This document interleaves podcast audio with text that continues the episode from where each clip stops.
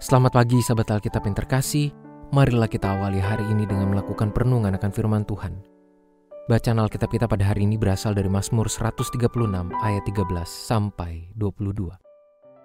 Kepada dia yang membelah laut teberau menjadi dua, sesungguhnya untuk selama-lamanya kasih setianya, dan menyeberangkan Israel di tengah-tengahnya, sesungguhnya untuk selama-lamanya kasih setianya dan mencampakkan Firaun dengan tentaranya ke laut teberau. Sesungguhnya untuk selama-lamanya kasih setianya. Kepada dia yang memimpin umatnya melalui padang gurun. Sesungguhnya untuk selama-lamanya kasih setianya. Kepada dia yang mengalahkan raja-raja yang besar. Sesungguhnya untuk selama-lamanya kasih setianya. Dan membunuh raja-raja yang mulia. Sesungguhnya untuk selama-lamanya kasih setianya. Sihon, raja orang Amori. Sesungguhnya untuk selama-lamanya kasih setianya. Dan Ok, raja negeri Basan. Sesungguhnya untuk selama-lamanya kasih setianya. Dan memberikan tanah mereka menjadi milik pusaka. Sesungguhnya untuk selama-lamanya kasih setianya. Milik pusaka kepada kepada Israel hambanya, sesungguhnya untuk selama-lamanya kasih setianya.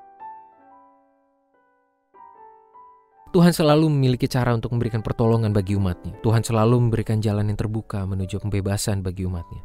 Tuhan selalu menghadirkan karya kasihnya di berbagai situasi kehidupan, bahkan ketika umatnya merasa tiada lagi daya untuk menghadapinya. Tuhan selalu mewujudkan kesetiaannya bagi umatnya yang sangat didambakan oleh setiap umat yang mulai merasa sendirian di tengah kondisi hidup yang penuh pergumulan.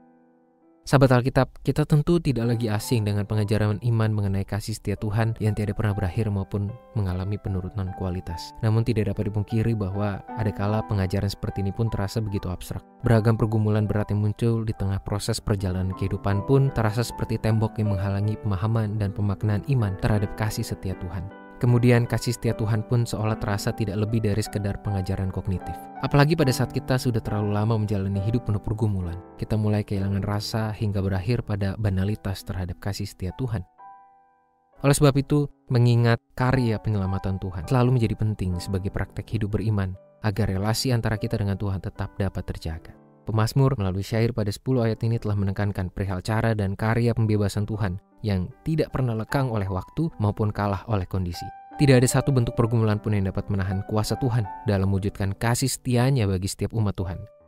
Catatan mengenai sejarah pengalaman iman dari umat Israel mendapatkan beragam bentuk pembebasan Tuhan, entah lepas dari tangan para penguasa dunia maupun bertahan di tengah alam bebas yang ganas, merupakan cara pemasmur untuk terus menjaga ikatan rasa dengan Tuhan.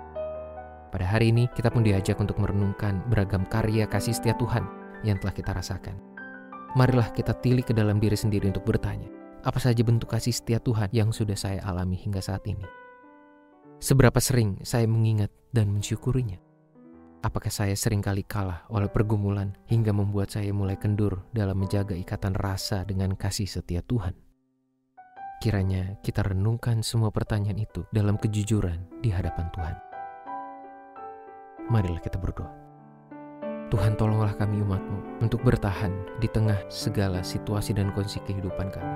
Secara khusus Tuhan ketika kami mengalami pergumulan yang berat, apalagi dalam waktu yang lama, tak sadar maupun tidak sadar. Bahkan bisa saja kami memutuskan untuk mulai ragu, mulai kehilangan rasa akan kasih setia. Tolong kami Tuhan, untuk menjadi umat yang terus terarah kepadamu. Hanya di dalam Tuhan kami Yesus Kristus kami berdoa dan menyerahkan kehidupan